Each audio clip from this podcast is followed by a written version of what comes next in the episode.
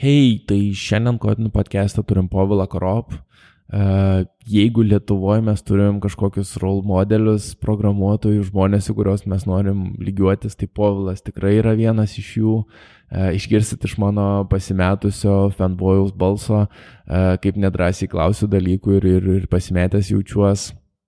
Už tai pakalbėjom apie įdomius dalykus, apie persimokymą, persimokėlius, pirmo darbo gavimą, portfolio kažkokį tai turėjimą, apie asmeninio brando bildinimą, apie produkto promautinimą ir galiausiai šiek tiek Povilas dar patarė, ką daryti su Kodinolta. Tai va, viskas bus per ateinantį pusvalandį, einam klausytis. Tai turbūt iš karto nuo klausimų tada pradėkim. Pats pirmas klausimas yra, kurį aš buvau užsirašęs ir paskaitysiu. Tai kai grįžai, atsimenu, į Lietuvą, nes aišku, tave mes visi sekam ir žinom, ką darai, nes visą laiką skelbi, e, grįžai į Lietuvą prieš kažkiek tai metų, e, padarai PHP kursus ir, ir norėjai pradėjai žmonės Lietuvoje mokyti programuoti. Gal gali papasakot, kaip tau atrodo tas synas keitęs be, besimokančių ir persimokelių prieš kelias metus ir dabar ką galvoji, kaip jis keičiasi? Nu, iš tikrųjų, aš toj sferoj buvau aktyviai ar mažiau aktyviai dar iki išvažiavimo į užsienį, nes mano tas PHP pamokas LT buvo kurtas dar prieš, nežinau, kiek, gal jau dešimt metų sumoju. Dar prieš tai aš tam bloginau, tai tas mano education, visas tas dalykas prasidėjo daug anksčiau, nes man šiaip patinka mokyti žmonės ir patinka dalintis mintim. E, dėl to aš ir šiaip aktyvus visur ir e, tai nebuvo kažkoks verslas ar e, dėl pinigų. Tai, žodžiu, tame aš aktyviai dalyvauju ilgai. Tik tai priklausomai nuo to, kiek laiko turiu, ar, ar aktyviau ar neaktyviau. Tai ta scena keitėsi, keitėsi, sakykime taip, nežymiai. Aš, aš sakyčiau, kad, kad jeigu yra kokybiškas turinys, kurį žmonės gali sukramtyti ir mokintis, tai nu, tada ateina ir žmonės. E, aišku, keitėsi tas, kad, sakykime, taip, prieš kokius penkis metus prasidėjo ta geltonų straipsnių aibė programuotojų ir tada tiesiog padaugėjo žmonių masiškai, kurie nori mokintis programavimo. Tada ant tos bangos atsirado visokios akademijos, e, online ir offline, ir Lietuvoje, ir iš užsienio franšizių, ir e, visokių variantų, kur offline atsirado galimybė mokintis. Tada atsidarė akademijos visokių įmonių, kaip ten NFQ, DevBridge'as ir visi kiti pasidarė savo. Ir bendrai tas mokinimasis programavimo tapo jau mainstreamo dalyku. Keista, kad šitoje vietoje neatsirado jokios lietuviškos populiarios platformos online e, mokintis, nes jeigu tu eini mokintis į online, tai iš principo ne į Lietuvą eini, o perki kursus ten užsienyje arba, ten nežinau, Laravelėje populiariausia yra Laracasts, ten yra kitų variantų. Tai Lietuvoje bent jau kiek mačiau neatsirado kažkokio kokybiško turinio, gaila, e, bet kita vertus paruošti tą turinį iš tikrųjų kainuoja labai daug laiko, kokybiškai norint tą padaryti, tai galbūt dėl to, o užsidirbti iš to irgi, ta prasme, padaryti offline'us kursus ir paimti žmonių tam tūkstantį eurų, e, tai yra daug pelningiau negu, negu sėdėti ir ten pardavinėti online kursus už 9 dolerius ar kažką tokio. Bendrai čia apie rinką pamastymai tokie, o aš kiek bandžiau, e, tai mano tas bandymas PHP pamokos pradžioj buvo kursų pardavimas, ten atsimenu, už 7-9 litus tuo metu buvo vienas kursas, po to eurai. Tai, nu, sakykime taip, ant alaus gavosi tų pinigėlių ir kai turėjau laiko, tai kažkiek parašiau tų kursų ir po to užleidau, kai gimė dukra, pasikeitė prioritetai gyvenime ir taip toliau. Ir po to taip aktyviai ir negrįžau. Dabar tas PHP pamokas, o tai aš jį paleidau nemokamai, nes ir informacija ten kažkiek pasenus ir aš jau nebesiekiu iš to uždirbti. E, savo planuoju ateityje, kad kažkada grįšiu su trenksmu į tą Lietuvos educationo rinką. E, dabar dalyvauju tik tiek, kiek vat, leidžia laikas ir dalinuosi šiaip atsitiktinę ten informaciją, kažkiek straipsnius ir taip toliau, bet bendrai persijungiau į pasaulinę rinką, nes ten tiesiog daugiau žmonių ir daugiau didesnė auditorija, o Lietuvoje tai yra pakankamai ribota auditorija, plus uh, Lietuvoje reikia save pardavinėti, taip sakant, ir, ir e, visiems įrodinėti, kad tu čia ne, ne kupranugaris ir kažką naudingo darai. netgi jeigu darai nemokamai, tai dar ir tas yra, nu, tokių yra psichologinių barjerų, kad lietuvių auditorija, bent jau ta, kur aš esu, neima taip noriai tų mokslų, kaip užsienio auditorija. Čia gal mentaliteto dalykai, nežinau. Man šiaip turbūt tas klausimas įdomiausia buvo iš tos pusės kaip tų persikvalifikuotojų. Tai tiesiog jų vis daugiau ir daugiau yra ir turbūt tų žmonių norinčių mokytis programuoti, ta kokybė gal krenta, ar nežinau, ar motivacija, ar sugebėjimai, ar, ar kažkas. Čia yra individualu labai, kiek per mane, sakykime, perėjo žmonių Aš pats kažkiek tų juniorų esu pasamdęs ir pats bandęs daryti savo mini akademiją Laravelio. Tai visokių būna. Sakykime taip, jeigu kalbėt apie tai, ką aš girdžiu dar šiaip iš rinkos, iš kitų žmonių, kurie samdo, tai tų juniorų labai labai padaugėjo, bet tuo pačiu bendra kokybė labai labai smuko. Tai yra tas vidurkis žmogaus ateinančio, norinčio mokintis programavimą, dažniausiai jisai nesuvokia, kiek yra darbo norint normaliai įsidarbinti pirmą darbovietę. Nes dažniausiai, jeigu uh, žmogus yra junioras, tai iš, iš darbdavio yra expectationai, sorry, aš vartoju nemažai angliškų žodžių, nes tiesiog kasdien bendrauju angliškai labai daug. Tai va, tai iš darbuotojo expectation, iš darbdavio yra kad žmogus ateina ir jau neša naudą įmonė. Tai yra kažką jau daro. Nu, ten būna su klaidom, su būkais, lietai, viską, bet jau kažką daro. Iš žmogaus, kuris galvoja, kad jisai junioras, yra expectationai, kad aš čia kažką pabaigiau, kažkokius kursus ar univerą, aš ateinu ir mane dar darbovietė turi, turi primokinti. Uh, tai va, ir čia gaunasi toks mismečias ir uh, darbdaviai yra gan stipriai nusivylę tais juniorais ir jų kokybę pasiruošimo, nes patys žmonės neinvestuoja pakankamai laiko tam pirmam etapui ir aš dar vadinu, kad yra ta, tas papildomas etapas dar ne junioras, ar yra toks pre-junioras arba internas, mhm. arba, nu, kaip be vadinsi tą dalyką. Ir žmonės, tie pradedantieji labai dažnai užstringa būtent tame etape, dar ne, nežengia to tvirto žingsnio Ir, nu, ir tada gaunasi interesų konfliktas. Tai va ir kitas klausimas iš tikrųjų, mes kai, nu, aš irgi taip pat galvoju, iš tikrųjų, man irgi buvo sunku pirmą darbą gauti ir visiems yra sunku. Ir tas mismečas yra labai, nu, ką žinau, nesmagus tiek tiem besimokantiem, nes atrodo jau čia metus ar pusę metų prasimokė, jau daug prakaito įdėjo, čia dar nieko negali parodyti. Tai Aš visą laiką kalbu apie portfolio, GitHubą, LinkedIną, kaip tik tavo komentarą šiandien mačiau LinkedIn'e, kaip uh, juniorai darykit tą ir tą. Tai va apie šitą gal gali pakalbėti. Uh, ką tu darytum, jeigu dabar ieškotumės pirmo darbo, arba jeigu kažkas ateitų pas tave ir sakytų, ei, žiūrėk, aš biški pramokau programuoti, ką būtiniausiai turiu padaryti, kad jau galėčiau pirmą darbą taikyti. Aš dažniausiai atsakau tokį klausimą, tipo, nu, ką man daryti, kad gaučiau pirmą darbą, bendrai kaip mhm. man save pristatyti ir panašiai.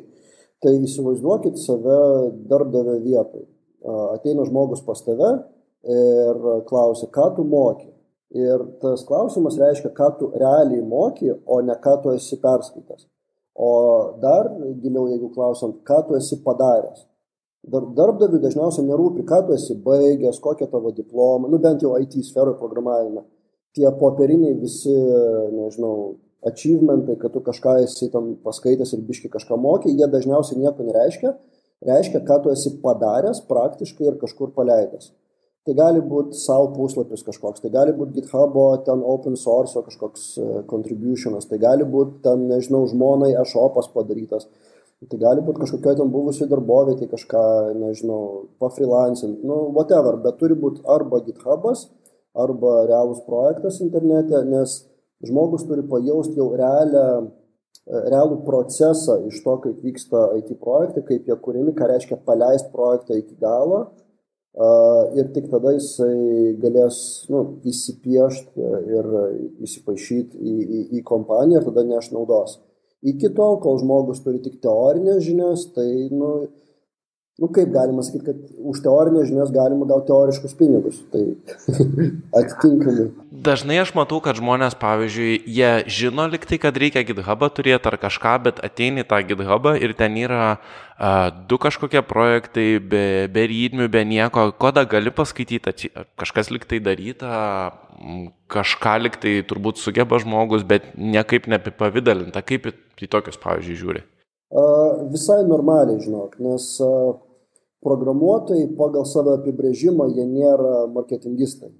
Jie neturi būti, tai nėra jų darbas. Ta prasme, aišku, būtų gerai mokėti save pristatyti ir e, tai tame tarpe yra tokia vizitinė kortelė kaip CV, bet nebūtinai. E, labai dažnai programuotojai, kurie gerai moka kodint, jie nemoka gerai rašyti. Nu, bet dokumentacija kažkokia ar, ar tokius dalykus nėra minusiukas, kad ne, nepadarai. Nu, idealiam variante kodas turi būti dokumentuojamas, bet e, kartais tai daro netgi ne pats programuotojas. Nu, realiam gyvenime kaip būna, kad dokumentaciją rašo gal kiti žmonės, e, arba, nu, visai būna. E, bet tai dažniausiai išmokstama, nes dokumentacija yra rašoma pagal tos kompanijos konkrečios jau procesus. Mhm.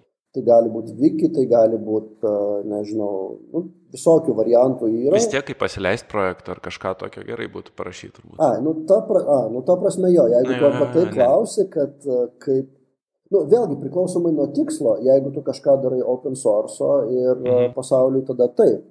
Bet jeigu tu savo sukūri projektą ir niekada neplanavai jo kažkur ten viešai paleisti, tai... O kaip tada, da, dažnai dar irgi tokia klausimą susilaukiu, kaip... Uh, Jeigu aš darau kažkokius pratimus ar kažkokį kursą ir toks pusiau code along kažkoks projektas yra, kaip, kaip į tokį žiūrit, ar verta iš vis jos dėtis į GitHubą rodyti? Ar... Verta dėti viską. Pačioj pradžioj verta dėti bet ką. Nu, jeigu yra toks mąstymas, kad man bus gėda už kažkokį mano kodą, nu, tai tada geriau nepradėti. Visai. Vis tiek tai, bus gėda. Jo, tai yra geriau negu nieko, bet jeigu po tų kodo pratimų atsiranda kažkoks rimtesnis projektas ir jisai tampa flagmanu, tada galbūt galima išimti tuos. E, man buvo labai geras pavyzdys, kai aš važiavau į Londoną darbintis. Ir aš važiavau ir rašiau savo CV, visiškai nežinodamas Londono rinkos. Ir man ten padėjo vietinis HR agentas, kuris aišku už tai gavo daug pinigų, mm. jam tai, tai apsimokėjo, tai jisai perrašė mano CV, nes kaip buvo, e, kaip aš rašiau, aš rašiau viską ką turiu, gavusi trijų puslapių CV, visus savo projektus lietuviškus, visus ten kursus e, ir hobio projektus, ir darbo projektus, viską, ką turėjau per tam dešimt metų sukaupęs. E, tas agentas pasakė, ne, ne, ne, palauk, tu įsivaizduok, darbdavio vietoje tu skaitai CV.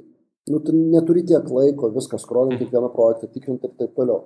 Tai dėl to sako, išsirink tris, maksimum tris savo projektus, kuriais tu didžiuojas, kurie yra labiausiai į tą poziciją taikantis ir taip toliau ir nerašyk nieko daugiau. Taupyk laiką darbdaviui, taupyk laiką visiems, tame tarpe ir čia, jeigu tu turi iš ko pasirinkti, ką publikuoti GitHub ar kažkur kitur, tai aišku, tai turi būti stipriausi projektai. Bet e, jeigu nieko neturi pradžiai, tai pratimai geriau negu nieko. Jo, o portfolio puslapis, kur tie projektai live būtų, tikriausiai irgi svarbu, ar, ar tik tai kodo užtenka kaip? E, ne viską, čia jau kita problema, ne viską tu gali viešinti, pavyzdžiui. True, jo. kad labai dažnai situacija man būdavo, bent jau samdant ir, ir šiaip žiūrint, kad programeriai negali parodyti savo darbo, nes yra sutartys, įsipareigojimai, tam NDA ir panašiai. Mhm. Arba jeigu yra kūriamas kažkoks internal portalas įmonė ar kažką, nu, tai vėlgi, ką tu tam parodysi nu, su tuo reikia atsargiai, bet jeigu yra vieši projektai, kurie yra paleisti ir, ir gyvai, tai be abejo atrodo, atrodo geriau. Ok, fair enough. Kita klausimą turbūt jau šiek tiek į kitą pusę, tai kadangi mes tave visi gerai žinom Lietuvoje ir žinom kaip darbštų žmogų, aš net atsimenu, tu, man atrodo, knygą buvo išleidęs, aš, aš pirkau, kaip viską spėti, ja, kur ja. pasakoju, kaip traukinį knygą rašiai važiuodamas į darbą. Taip, taip, ir, taip ir buvo, čia, čia, čia nedžiaukas. Ja, ir, ir tu esi visiškai decent ir turbūt daugam iš mūsų pavyzdys, kaip asmeninį savo brandą statyti, kaip jį stabiliai, vienodai ir uh, ir nusekliai buildint. Gal gali papasakot, ką tu darai, ką gali naujokai daryti, e, kad savo brandą buildintų ir turbūt kaip tą panaudoti, ar kaip tu panaudoji, ar kaip, kaip mes galėtume panaudoti tos dalykus. Čia du klausimai viename. Vienas, nu, jo, jo, kaip, kaip viskas spėti, nu, tai kaip viskas spėti, aš atsakysiu labai trumpai. Uh, Tai visos ten tos knygos esmė ir, ir, ir visko, ką aš darau, tai išnaudoti mažus laiko tarpus. Tai yra, va, važiuoju traukinį į Londoną, pavyzdžiui, mano gyvenimas toks ir buvo, ten kem penkios minutės traukiniui, vieną pusę mhm. tu stovi ir nieko neveiki, nu, tai iš telefono kažką pataipini ir iš to gaunasi knyga po mėnesio. Yeah. Uh, tai va, ir aš labai mėgstu išnaudoti ten, pavyzdžiui, stoviu eiliai kažkur parduotuvėje, ten mailą patikrinu. Tai daug tokių mažų dalykų, kur, uh, nežinau, žmonės Facebooką skrolina, tu gali kažką naudingo nuveikti. Tai va iš tų mažų dalykų nustepsit, kiek laiko susidaro per parą. ir kažką nuvykiai naudingo ir tuo pačiu neprokrastinuoji ten skrolindamas kačiukus. O aišku, aišku, prie to dar prisideda ir bendras tikslas. Jeigu tu, sakykime, nesi motivuotas pasiekti ant savo didelių tikslų, tai aišku, nesiparinė, nepersistengiau, pas mane, kadangi visada galvoja yra long term tikslas, ką aš noriu nuveikti, aš savaime esu motivuotas tą daryti ir išnaudoju va tokius mažus laiko tarpus, neprokrastinuoju ir stengiuosi daryti kažką naudingo nuolatos. O, o perinant prie kito klausimo, prie asmeninio brendo, čia toks gaunasi uh, labai lygus perėjimas. Kadangi aš esu motivuotas, uh, tai dalis mano darbo yra šeriant savo, savo patirtį viskame ir, ir man tai patinka. Man tai patinka ir tai sutampa su mano ilgalaikiu tikslu. Uh, o ilgalaikis tikslas yra be abejo uždirbti ir, nu, sakykime taip, verslauti jau dabar o asmenis brandas yra viso to dalis. Įdomu yra tai, kad pačioj pradžioje aš negalvojau apie jokį asmeninį brandą. Man tiesiog patiko dalintis informaciją, vėlgi grįžtant prie to, kad man patinka educationas. Nuo senų seniausių laikų, kai aš bloginau dar ne apie programavimą, buvo toksai FVD LT, buvo skaitykit LT, žodžiu, buvo tam visokių, dalyvaudavau pirmuosiuose bloginuose blogautose visur tam prieš dešimt metų, visai smagu buvo dar tada nežinau, Alta gyvavo su džiugu, nu, žodžiu, nostalgija. Tai va, nuo ten aš pradėjau šiaip dalintis uh, savo patirtim ir man patiko ir tas tiesiog perėjo į programavimą. Pradėjau rašyti apie programavimą su visokiais tam formatais ir formom, ir video filmuoti ir visą kitą. Ir tai nebuvo strategiškas ėjimas kažkoks, kad bildint mhm. savo čia brandą, iš, iš to uždirbti. Uh, kaip aš sakau, kaip uh, užsieniečiam aš pasakoju per konferencijas, aš esu accidental business owner. Ir, ir tas dalykas, kurį aš visada dariau, pasirodo, vadinasi content marketing. Ir, mhm. Bet tai nebuvo strategiškai, tai tiesiog buvo noras dalintis uh, savo patirtim. Iš dalies tai buvo naudinga dėl to, kad aš rašydavau apie kažką ir tuo pačiu gaudavosi diskusiją ar pats išmokdavau kažko naujo. Ir viskas. Tiesiog rašydamas daug, aš pradėjau tobulėti. Pradžioje tai buvo tikrai kokybė pakankamai tragiška. Ten, mhm. Jeigu ten kalbėtų apie puslapių dizainus, kažkokius blogą ar taip toliau, tai ten irgi buvo ten šablonai nemokami WordPress ar nieko ten stebuklingo bet po truputį ir tas rašymas tobulėja, ir tu matai, kas tavo, tavo auditorijai limpa, nelimpa, pradedi tobulinti, žiūrėti ir taip toliau. Ir tada kažkurio momentu aš supratau, kad hmm, aš iš to gaunu klientų, kad žmonės pamato, kad aš rašau gaunu ir klientų, ir tame tarpe, pavyzdžiui, man lengviau samdyti žmonės į komandą. Aš tą darau retai, mano komanda nedidelė, bet kai aš tą darau, iš karto pas mane žmonės eina, nori dirbti su manim dėl to, kad matė, ką aš esu daręs ir kad ir tai yra įdomu. Taip, mane pažįsta, vat, kaip tu sakai, mes tave visi žinom, aš nežinau, jo. kad žino. Bet kai aš kažką papaustinu, aš gaunu komentarų, tai matyt, jo, matyt kažkas tokio. O gal yra. gali labiau papasakoti apie tą accidental, kaip tas atsitiko, išsiplėsti ant šitos vietos, accidental business? Nu, tas accidental tai gavosi taip, kad, nu, chronologiškai reikėtų gal pasakoti, bet aš neatsimenu kuriais metais, bet aš išėjau iš mhm. Lietuvos įmonės freelancing, tai buvo kokie 20, gal 2011, kažkas tokio, bet freelancing išėjau tik tada, kai turėjau jau freelancinimo ratą tokį, po, po darbo freelancindamas. Mhm kad pagrindinis darbas pradėjo trukdyti, sakykime taip. Tai va, tai pinigų daugiau gaudavosi iš freelanco ir aš išėjau full time, pradžioje tai buvo sunku pirmų tam pusę metų, bet po to normaliai ir po to išvažiavom su žmona į Londoną, nes jinai gavo pasiūlymą ten dirbti. Ir aš pagalvojau, how hard can it be, taip sakant bet pasirodė daug labiau hard freelancing užsienio platformose ir, ir ten įrodinėjo, bet po to po poros metų viskas ir ten susitvarkė ir tas accidental gavosi tada, kai aš pradėjau gauti daugiau užsakymų negu pats patempiu.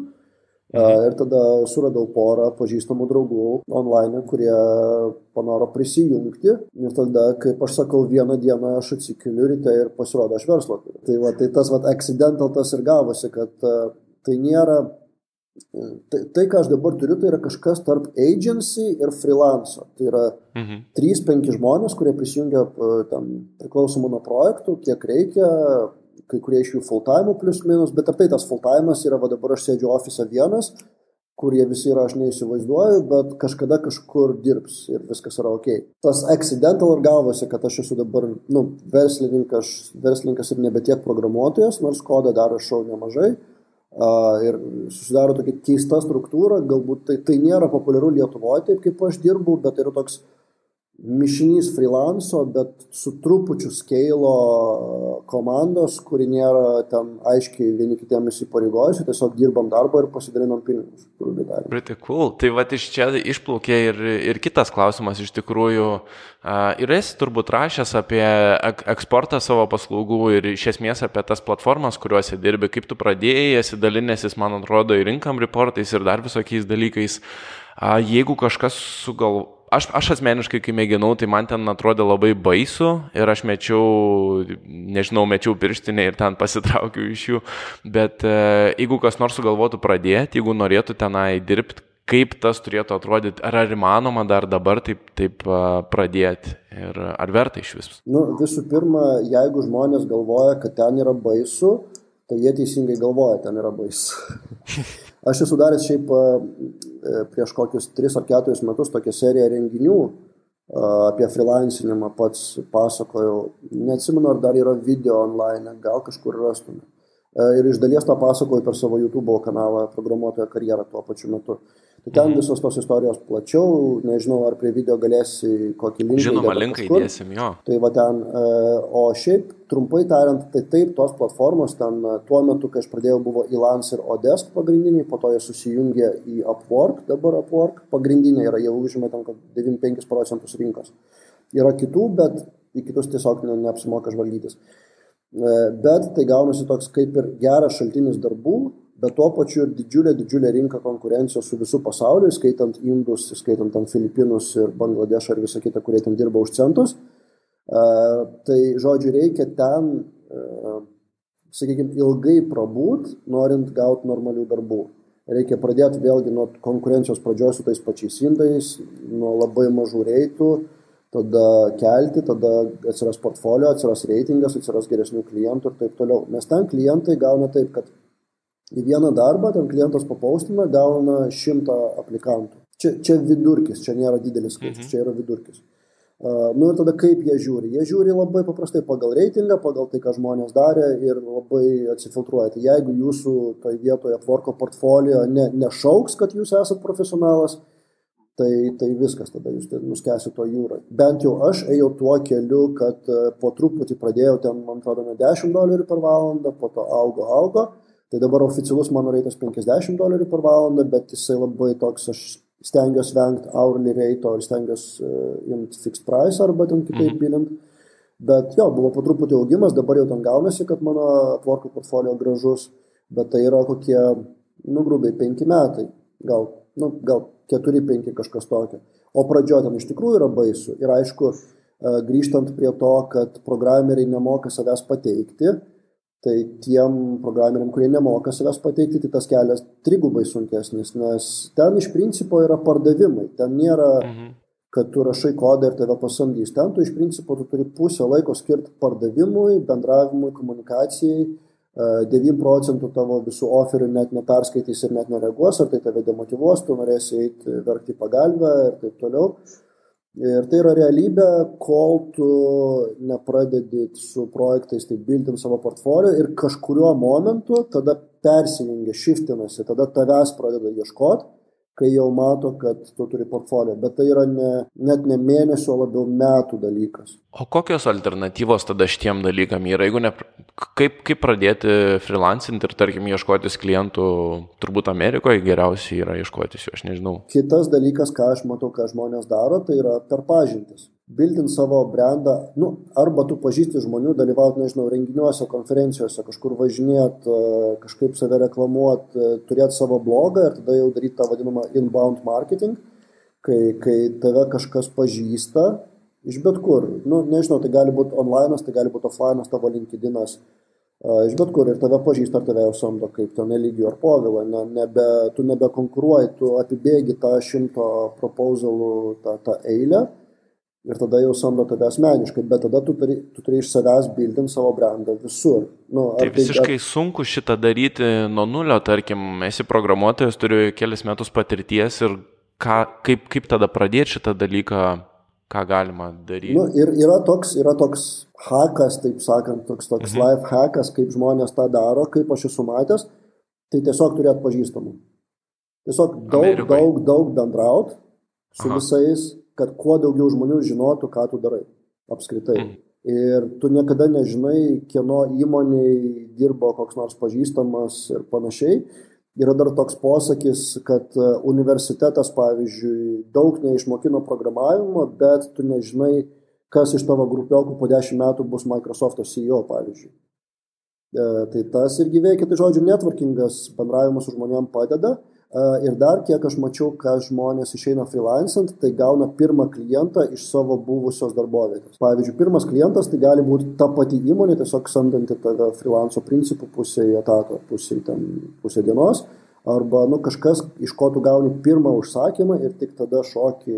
Tai nereikia daug užsakymų. Pačioj pradžioj aš nesu šalininkas vieno kliento, nes tai yra labai rizikinga. Jeigu jūs freelancinat ir, ir, ir gaunat vieną klientą, po to jisai tam išeis ir tada rūkyk, taip sakant.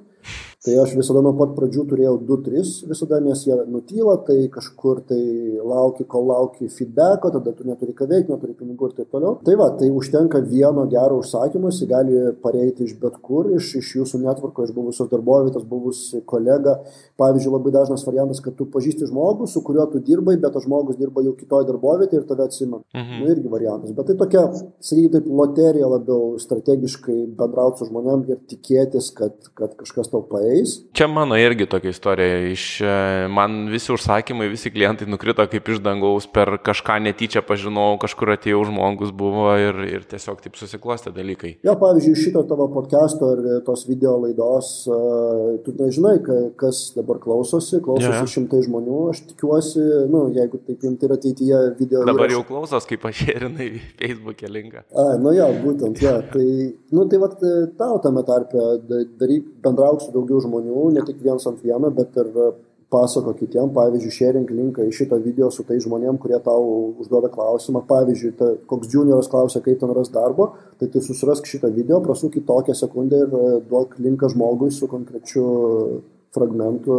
ir nu, tiesiog bendraudamas su žmonėm parodyk, kad tu moki kažką arba kad tu pažįsti kažką nu, ir, ir tai veikia. Žmonės, žmonės bus dėkingi ir tau po to darbuotojas. Nice, gerai. Tikriausiai noriu tavęs paklausti apie produktą, kurį, kurį jūs turite, admin panelį, ar tu turi, ar jūsų timų turit. Šiaip labai įdomu, kaip, kaip sugalvojo daryti, kaip vystėt, kaip auga jisai, ar auga ir apie marketingą labiausiai turbūt, kaip jūs jį darot, ar kas veikia, kas neveikia, kas sekas. Kai pagalvoju, visi tie klausimai susiveda į tai, kad tu klausi kažkokios strategijos arba kažkokiu tipsu, kaip daryti dalykus, bet realiai uh, viskas, ką aš darau šiaip gyvenime, gaunasi pakankamai natūraliai. Uh, vienas iš kito išplaukia, man patinka daryti kažką, dėl to kažkas uh, pabandoma ir kažkas paeina, nepaeina. Aš turiu daug istorijų ir visokių projektų, kurie visiškai nepaėjo ir galėčiau vieną apie tai porą valandų pasakoti.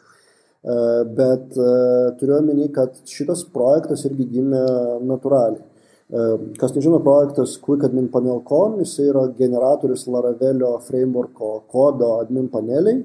Jų yra ne vienas, yra Laravel Backpack, yra oficialus Laravel Nova, yra Voyageris, jų nemažai. E, tai mes įšokom į tą traukinį pakankamai anksti Laravelio terminais šnekant, dėl to, kad mums reikėjo tokio dalyko. Tiesiog kurdami projektus su timu vieną po kito pamatėm, kad nu reikia atminkės ir, ir, ir vienam ir kitam. Pažiūrėjom, kas yra rinkoje, pamatėm, kad mums nepatogus tie, kad, kas tuo metu buvo, ar jie ten bugovi, buvo pakankamai, tai pasirašėm, pasirašėm pradžioj savo tiesiog skriptuką, kuris iš JSON, man atrodo, tuo metu, ar iš XML, kažkokiu ten settingų padaro, padaro Laravelio kodą.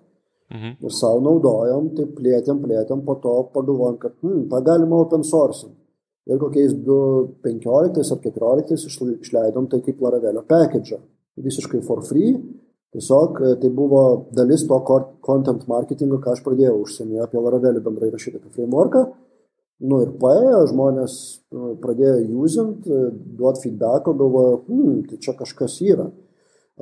Ir tada kažkurio momentu kažkuris iš tų package naudotojų sako, žiūrėkit, jūs neturite ant tokio ir tokio feature, aš mielai sumokėčiau. Tada aš pagalvoju, o, sumokėtų. Ką mes iš to galim išpešti? Ir galiausiai gavosi, kad, o davai paleidžiam online generatorių. Tada ir gimė ta idėja iššokti iš to bendro katilo tų generatorių, kurių jau, vat, kaip sakiau, yra nemažai ir padaryti tokio pobūdžio projektą, kad žmonės galėtų generuoti online tą dalyką Jisai principas veikimo truputį kitoks, jisai nėra package'as Laravelio, jisai yra online'inis dalykas, kad tu užeini pas mus į puslapį, e, drag dropo principų, kaip ten, nežinau, koks Vixas ar Squarespace'as, mhm. tu pat, pat dragini dalykus, įrašai, kokiu tau laukų reikia, kokie ten tipai, taip toliau, ir spaudi download code ir tada gauni jau pilną Laravelio projektą. Tai va tokio dalyko nėra rinkoje ir tokio dalyko dar niekas nėra sukūręs, nes jisai labiau tinkamas tokiem pradedantiesiam Laravelio žmonėm, kurie, sakykim, taip nepasitikė savo kodu iš dalies, vizualiai kažką padaro ir, ir parsiunčia. Čia beje aš visą tą pasakoju ne dėl reklamos, kad čia kažką par... dėl jo. konteksto, kas čia kaip vystėsi e, ir mes vis dar tą darom savo patys, vis dar tą naudojam savo projektuose, ar tai atsiperka mūsų laiką, net jeigu tas produktas neatsipirktų mhm. finansiškai. Mhm tai vis tiek atsipirktų mūsų sutaupomų laiku ir kažkurio momentu vėlgi accidentally aš peršokau į tą traukinį kaip produkt owneris ir, ir pradėjau vystyti verslą ir iš tos pusės, kad dabar, sakykime, taip, pem ant pem dabar, sakykime, pem procentų pajamų eina iš klientinio darbo mūsų, o pem procentų iš to kvikadmino. Tai jisai pats save jau atperka, nu, long termų gal net pirko pilnų investicijų, bet, sakykime, taip ant nulio, bet mėnesio bėgė, sakykime, generuoja kokius tam tūkstantį eurų profito jau priima. Iš to jau galima gyventi.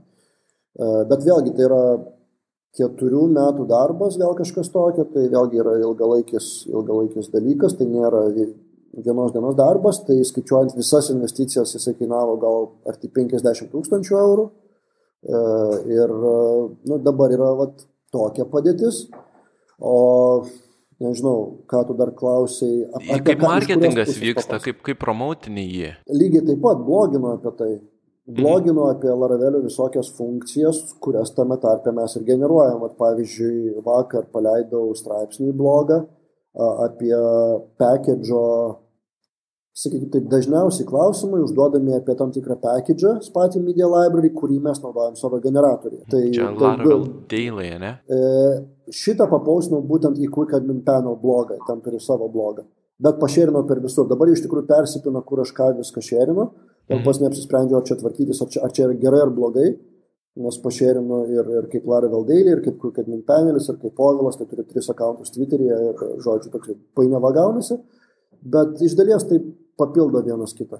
E, ir, ir ta prasme, ta, ta visa, visa strategija nepasikeitė, tiesiog blogint apie tai, kas yra naudinga žmonėms tuo pačiu pasyviai promotinant produktą ir auginant savo auditoriją. Netgi aš pastebėjau, kad pastaruoju metu vis daugiau žmonių perka mano nu, paslaugas, vadinkim, visokias, ašgi dabar dar kursus online paleidęs, e, iš to, kad keliose skirtingose vietose, keliose skirtingose šaltiniuose matė, ką aš esu daręs. Ir kadangi atsimena tai yra, vardą, atsimena veidą. Būtent, kadangi ypač su video tas padažnėjo, kai pradėjau filmuoti video YouTube kanalą, aišku, tai yra vėlgi pasaulinė auditorija, tiesiog žmonių yra daugiau ir viskas persipina ir kadangi fokusas yra būtent ant Laravelio frameworko jau kokius keturis metus, tai aplink tą Laravelį viskas ir sukasi ir tie, kurie mane matė ir, ir, ir žino visokiuose ten contributionuose iš skirtingų, bet būtent apie Laravelį susijusių dalykų, ir mato, kad, ai, quick admin panelis, ai, čia povilas, okei, okay, tai tada yra toks pasitikėjimo vadinamas e, rodiklis labai aukštas ir tai žiauriai padeda parduoti, nepardavinėjant aktyviai. Aš nesu tas salesmanas tikrasis, kaip tas, sakau, accidental business owner, tai tame tarpe ir tas, kad aš nepardavinėjau. Aš nemoku pitchint, aš nemoku, ta prasme, sakyti, kad, ei, ateik, pirk iš manęs daiktą. Ne, aš tiesiog mhm. pasakoju apie jį ir apie tai kokią naudą neša jis man pačiam mūsų timui, tuo pačiu naudojus progą pašėrinti savo šiaip žinias apie Laravelį, nu, ir iš to gaunasi, gaunasi, kad žmonės ateina ir perka. Gerai. Tai dabar paskutinis iš vis klausimas, iš tikrųjų nežinau, ar susijęs kaip nors e, su, su tavim ar, ar e, su besimokančiais programuoti, bet e, aš noriu apie save paklausti klausimo, apie kodinų. Okay. Tai taip ir turiu užsirašęs iš tikrųjų, kaip galėčiau pagerinti turbūt patį blogą ir, ir kontentą ir, ir kaip promautinti jį, kaip tu matai Lietuvoje, kas eina, ką galima daryti ir nežinau, šiaip, šiaip pastabas ar kažkokie dalykai būtų super valuable. Uh, mielai, uh, aišku, Lietuvoje aš dabar esu nutilęs ir galbūt kai kurių trendų nesaku. Mano mhm. Lietuvoje visas tas promoutinimas, ką aš darau, ten apklauso apie algas kasmet ir ten dar porą dalykų, tai aš tiesiog papausinu į Lietuvos webo profesionalų grupę Facebook'e ir tuom pasibaigė mano promotionas. Pasauliniu mastu tai veikia kažkiek kitaip.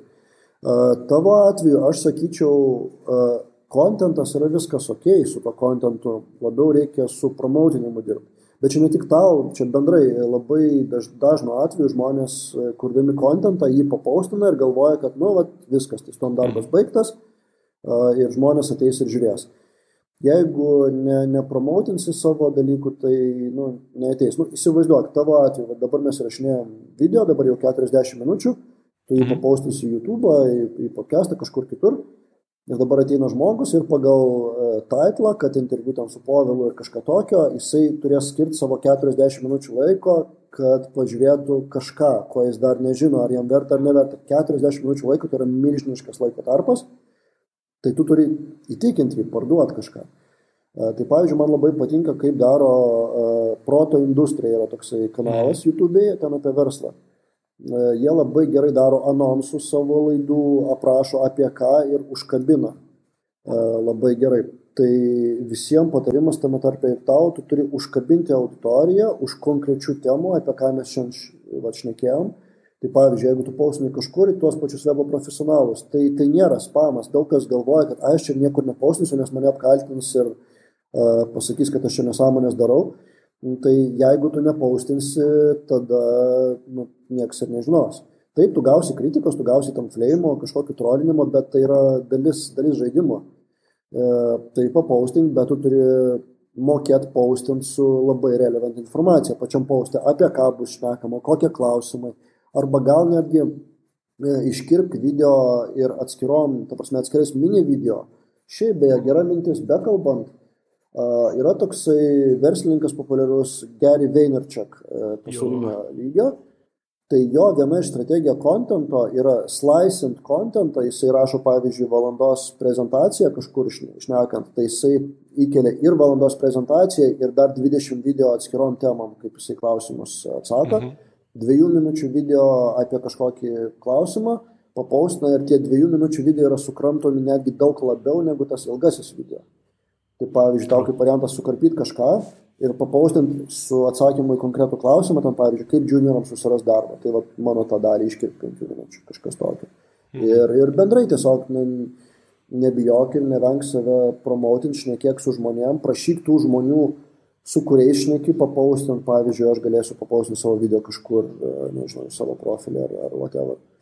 Tai tiesiog grįžtant prie to pirminio mūsų topiko, kaip rasti darbą ir kaip save planuoti junioram, tai tiesiog bendrauti su daugiau žmonių ir mhm. rodyti tai, ką tu darai. Nes jeigu tu darai savo, arba tam žmogui, arba man, sakykime, nu fainai, mes čia pašnekėjom, tai čia toks gaunasi video mum, ta prasme, mūsų tam mamoms parodyti, kad mes čia kažką darom, tai tada nu, neverta to laiko. O, o rodyti tiem žmonėm, kuriem tai iš tikrųjų naudinga, tai tu ne, nespamini ir ne, nesireklamuoji, tu tiesiog šerini. Yra toksai dar posakis, aš čia truputį išsiplečiau gal, bet nu, nu, noriu užbaigti mintį, kad uh, kaip įtikinti save pardavinėti apskritai dalykus. Tai yra toksai mind shiftas, kad jeigu tu nesidalini informaciją naudingą žmogui, tai tu jam darai blogą. Ta prasme, tu, tu blogai darai, kad tu nepadedi vargšui žmogui, kuriam reikia pagalbos su tavo kontentu.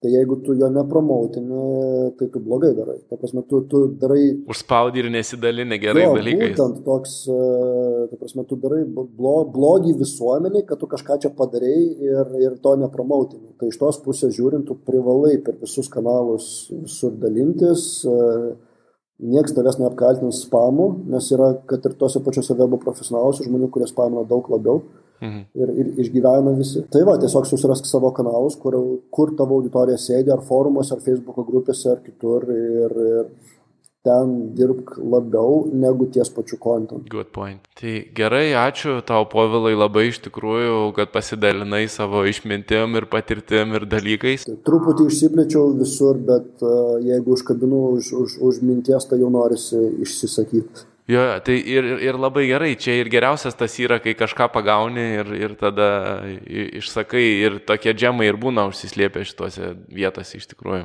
Jo, jo, ir visa tai vadinasi content marketingas, kad tu tiesiog dalinai, daliniesi tuo, ką tu žinai ir e, po to jau tik tai techniniai dalykai, kaip tą promotinti, parduoti ir visą kitą, jeigu tai yra tavo tikslas. Tai tiek tikriausiai šiandienai. Okay. Jeigu kas turi daugiau klausimų, tai atsakysiu komentaruose, kur be papaustintų, mane kur nors taginkit arba mhm. kažkur tai, tai atsakysiu papildomai.